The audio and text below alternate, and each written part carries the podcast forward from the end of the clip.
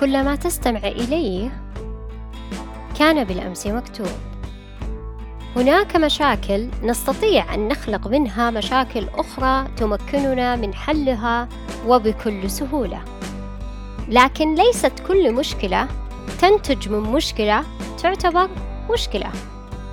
لكن لعلها تعتبر مفتاح اللغز لتلك المشكلة الكبيرة. أعلم بأنه لم يتضح لك المفهوم بعد. حسنا دعنا نركز معا في هذا المثال. شخص يمتلك وزن زائد ويريد التخلص منه. برأيك ماذا يفعل؟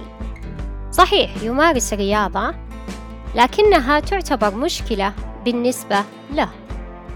لأنه لا يمتلك الدافع والعزيمة للتغيير.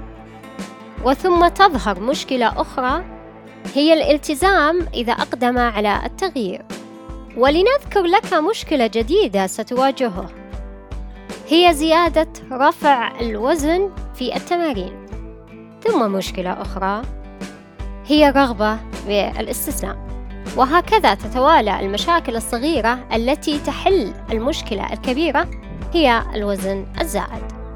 لن تعير الانتباه لتلك المشاكل البسيطة الصغيرة التي تعتبر خطوات لحل المشكلة الأساسية ولكنك ستمر بها حينما تبدأ في الأمر.